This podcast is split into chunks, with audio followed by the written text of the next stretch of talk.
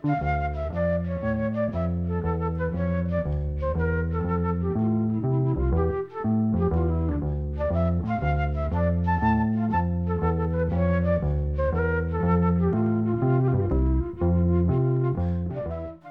sæl.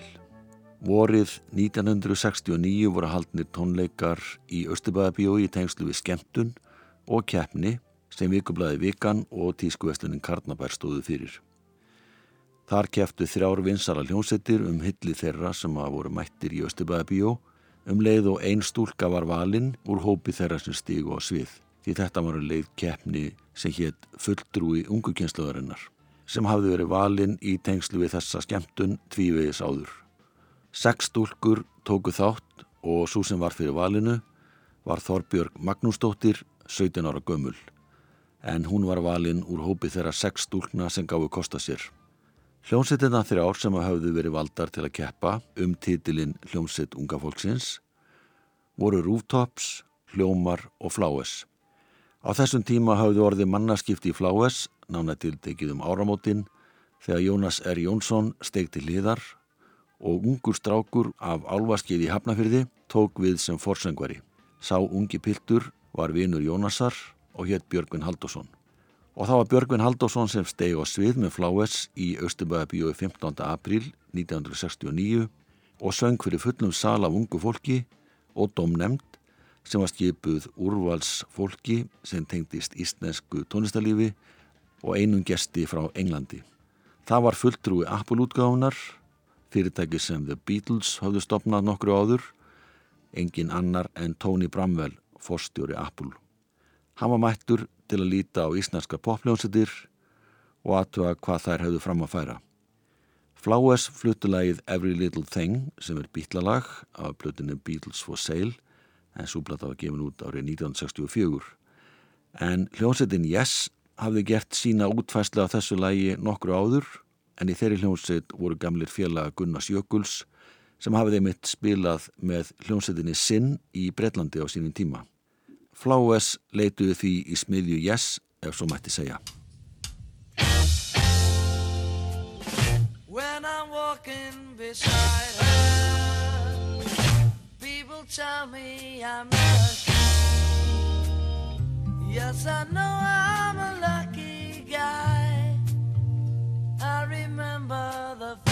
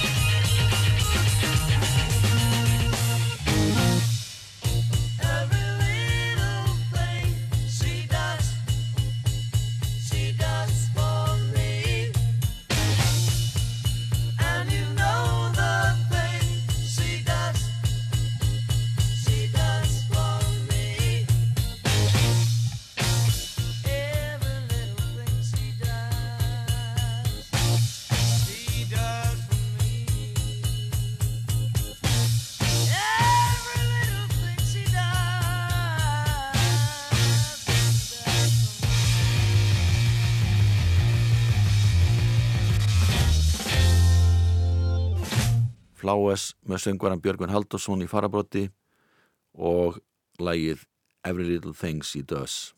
Þetta lag fluttu Flowers á hljómlugun sem haldni voru í Östubæðabíói í april 1969.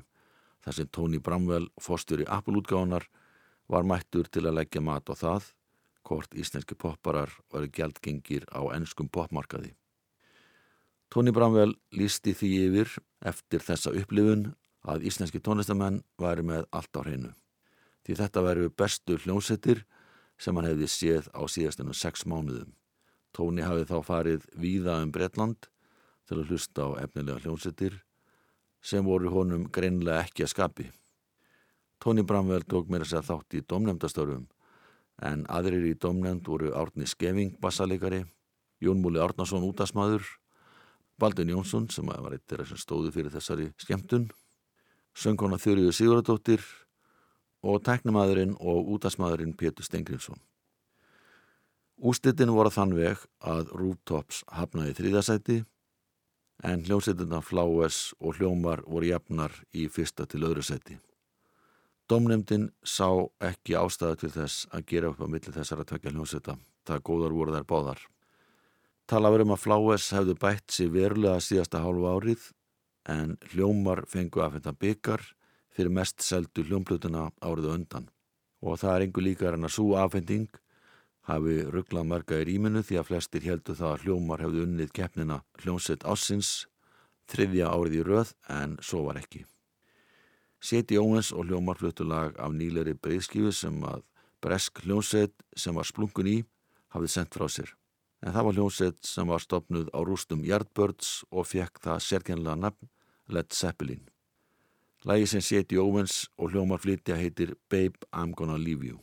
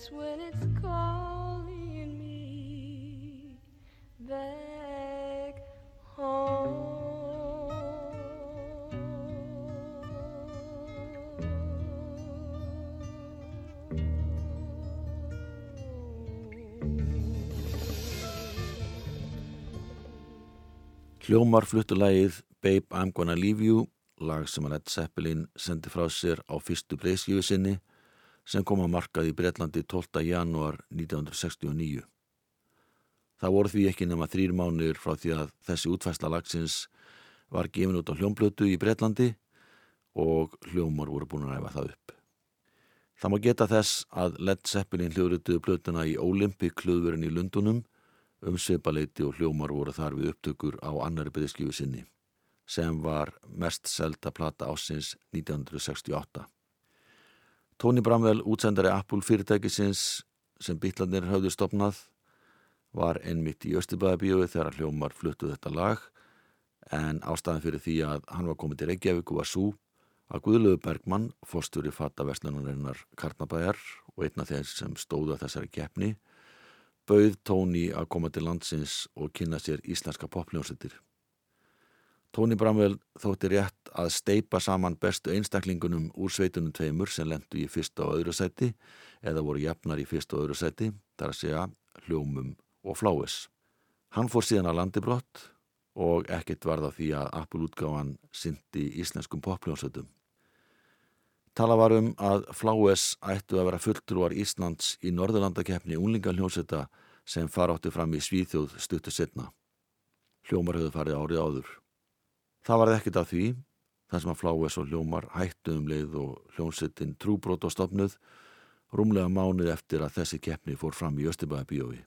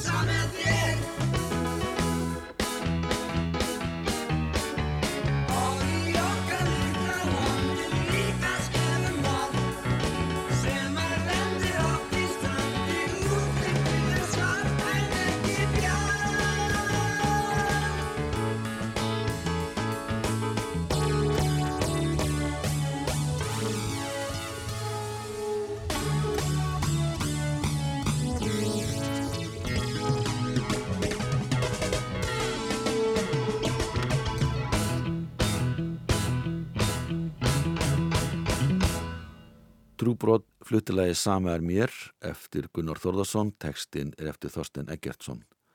Þetta er eittir að laga sem að er að finna á fyrstu stóruplutinni sem Trúbrot gerði sem var gefin út fyrir jólinn 1969. Þau sem skipuðu Trúbrot fyrstu mánuðina voru söngkonan Seti Owens, söngvarinn og bassalegarinn Rúnar Júliusson og gítarleikarinn Gunnar Þórðarsson sem kom öllu hljómum og trommuleikarinn Gunnar Jökull og orgeleikarin Karl Sigvardsson úr Fláes. Þessi kjarni úr tveimur bestu popljónsetur landsins gjör breyttu poplandslæginu þegar þessi samrunni átti sér stað. Félaga Gunnars og Karls stopnuðu ævintýri en þá voru söngvarinn Björgvin Haldásson, gítaleikarin Arna Sigurbjörnsson og bassaleikarin Sigurðun Sigvardsson en þeir eru starfað saman í Fláes. Birgir Hapsson, gítaleikar og Pops, gekk til liðs við ævintýri á samt trómarunum Sveini Larsen úr Bendix, gömlu hljómsveit Björgvins. Engibert Jensen trómari og söngvari og hljómum stopnaði tilveru með Jóhanni Kristinsinni sem hafði verið bassalegari Fláes undir það síðasta og með þeim voru Rúnar Gunnarsson, ritmagítalegari úr Dátum og Rúnar hefði jafnbrand verið í 60. Óla Skauks og Axel Einarsson, sologítalegari úr Sálinni og Persónu. Rúnar Gunnarsson hætti stuttu eftir að sveitin byrjaði að æfa þannig að þeir voru þrýri í nokkra mánuði. Tilverða tók upp lag sem heitir Ferðan Enda, upptaka var gerð fyrir sjónvastátt sem var síndur í mass. Pétur Stengriðsson tók lagið upp en Jón Þór Hannesson var upptökustjóri með strákunum í tilveru. Lagið átti sem sagt að koma út á lítiti plötu á vegum fólkans um vorið en þegar Engilbert Jensen hætti í hljómsettinni var skipt um kurs og ákveða að fara til Danmörkur og taka lagið upp þar. Við ætlum að heyra upptökuna frá því í mars 1970 en það má geta þess að þessi útfæsla lagsins hefur aldrei komið út á plötu en lagi kom hins vegar út setna á árinu en þá hafðu átt sér stað mannarskipti í tilveru. Engibert Jansson syngur. Ég sá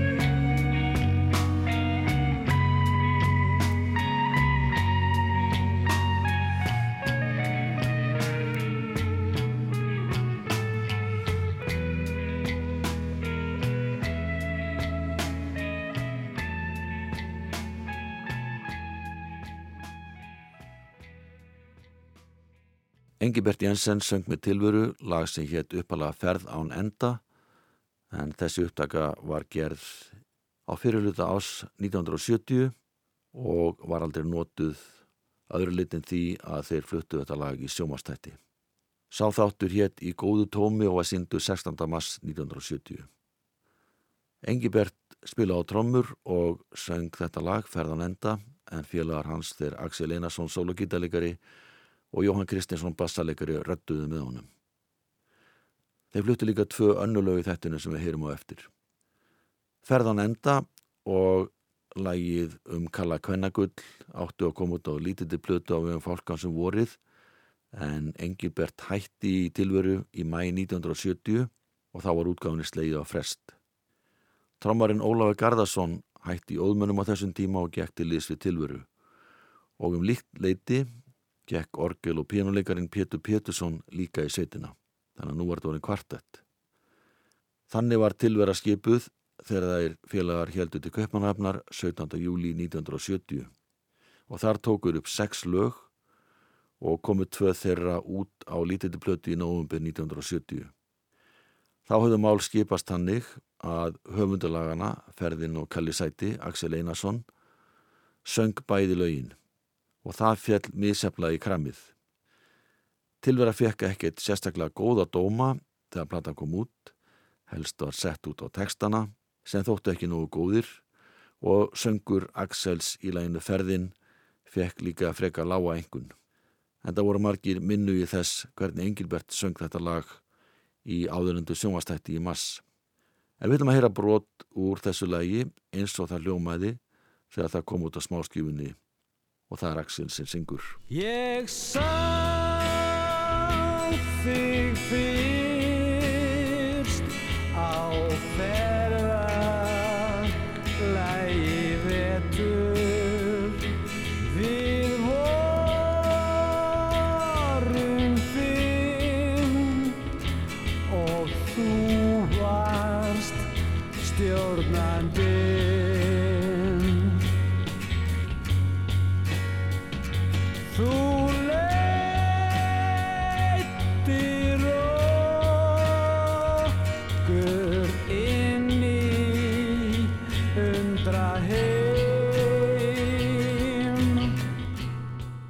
Þetta var fyrir hluti lagsins ferðin eins og það ljómaði þegar tilvera hljóðrita þau í Kaupmarahöfn í júli 1970 og þarna hefur orgelið bæst við eins og heyrist.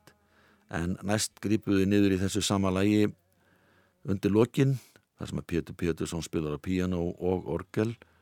Á meðan sungin er röttuð vokalísa eða sönglína án texta sem setur nokkuð annars svip á lagið. Og það má geta þess að þetta lag var mun lengra í þessari upptöku 5 mínútur og 20 sekundur korki mér enn minna. En við heyrum bara blota því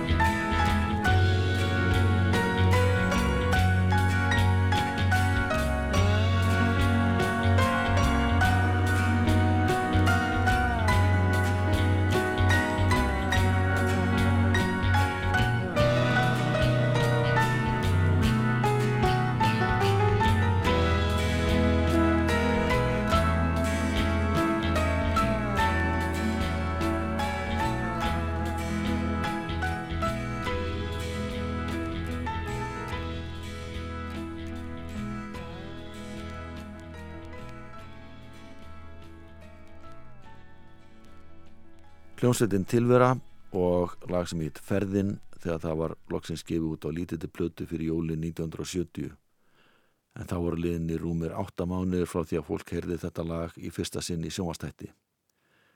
Axel Einarsson sem var orðin óskoraður fóringi tilveru söng þarna eigilag og texta. Uppalega hafði hann kallað þetta lag Ferðan enda. Á hinni hlið þessara sömu plötu var lag um Kalla Kvennagull töffara sem flestum fannst þeirra hálfgerðu gúmitöffari. Þegar það ljómaði í fyrsta sinn ofinbilla í sjónvastættinum þar sem tilvera frumflutti það 16. mars 1970 stóð ekki á viðbröðum. Strax eftir þáttinn byrtist bref frá manni sem taldi textan vera hálfgerðan leirburð og ekki neinum til sóma. Axel Einarsson, höfundalagsins, let þetta ekki slási út af læginu og var textin óbreyttuð þegar lægi kom út á hljómblutur rétt fyrir jóli 1970. Við heyrum nú upptökuna sem gerð í mass 1970 og hefur aldrei verið spilu ofinbellega fyrir utan það þegar hún hljómaði í sömastættinum. Þarna voru engöngu þrýr meðlumir tilvöru, Axel Einarsson, Engibert Jensen og Jóhann Kristinsson.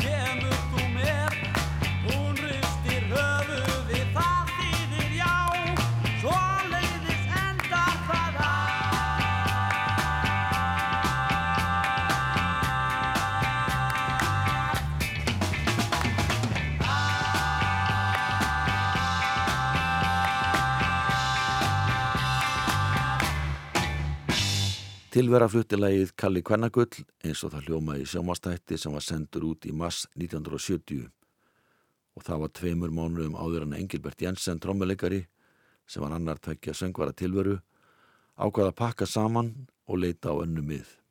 Engilbert byrjaði stuttu setna að æfa með 60 Óla Skauks en gekk svo til lýs við hauka þar sem hann starfaði nokkur ár. Áður en Engilbert hætti í tilveru voru hann og félagar hans í tríóinu byrjaði að undirbúa útgáfi lítilla plötu sem átti að koma út vorið 1970 eða í sumar byrjun. Eitt þeirra laga sem er tóku upp heitir Mr. Music Judge en það er skortið hressilega á þá sem að fost við að dæma tónlist í dagblöðum. Á þessum tíma var tilvera einn best spilandi hljómsveit landsins sem kom ágætlega í ljós á skemmtun sem haldin var um vorið í Östibæðabíói.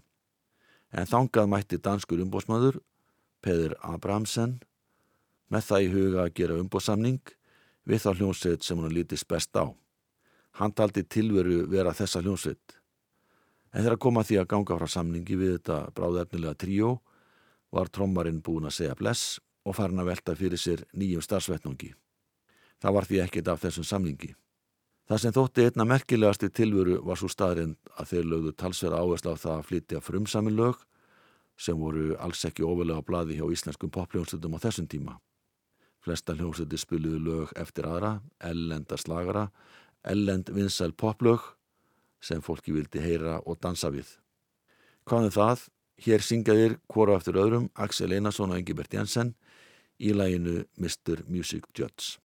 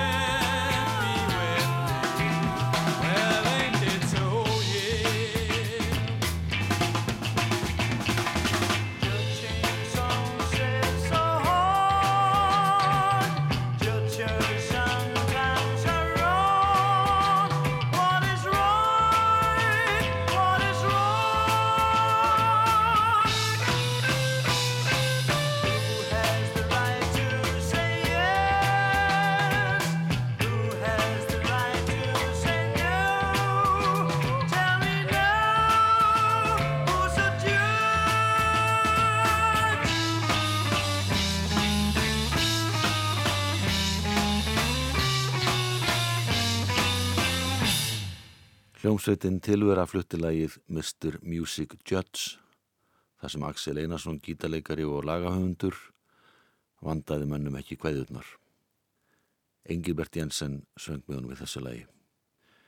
Þetta er hljóðritun sem var gerð í mass árið 1970 en tilvera fór til Danmörkur um mitt sumar þetta sama ár og tók þar upp sex lög sem síðan voru gefin út á þrejum smáskjöfum með nokkuð löngu millibíli. Fyrsta platan kom út höstið 1970, annu platan kom ekki fyrir enn í november 1971 sem var freka sérkennlegt þar sem að íslenskar popljónsettir voru ekki alveg þekktar fyrir stöðuleika, allan ekki hvað mannaval varðaði. Enda hafði orðið talsverð mannaskipti frá því að þessi lög voru tekin upp þegar að þessi litla plata kom út í vetrabyrju 1971. Það má segja að hljónsettin hafi verið orðin allt önnur en hún var árið fyrr. Enda sáðu þeir sjálfur þetta væri önnur hljónsett, bara sama nafnið. Axel Einarsson var enn á sínu stað en bassalegarinn Jóhann Kristinsson var hættur. Gunnar Hermarsson hafði tekið við á honum í nokkra mánuði. En þegar Gunnar hætti til að stopna Svanfríði kom bassalegarinn Magnús Árnason í hans stað. Trómulegarinn Ólaði Garðarsson var sumulegðis hættur en nafni hans Ólaði Sigursson og Pops hafði lamið húðir með tilveru í tæplega eitt ár þegar hér var komið. Og tilvera hafði líka bætt við sig söngvara en það var Herbert Guðmundsson. Littla platan gaf því alls ekki rétta mynd af tilveru eins og hún var á þessum tíma. En var samt sem áður ágættis vitnisspörður um það hvernig hljómsveitin var sumarið 1970. Platan inniheldur tvö lög bæði eftir Axel Einarsson og þau heita Lífið og Hellrót. Fyrralagið er hugleðingum lífið og tilvöruna og umhverfismál en á þessum tíma voru margir popparar uppteknir af ástandi heimsins í víðum skilningi, líkt og í dag.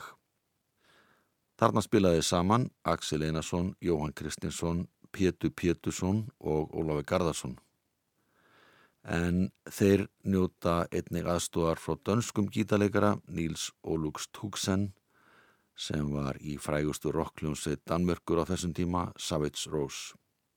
Og Túksen spilar á fetilgítar eða stálgítar í þessu lagi sem setur áhugaverðan svip á lagið. Og með laginu Lífið slæðir tilvera botni þáttinn verðið sæl. Hver er tilgangur lífsins eins og það er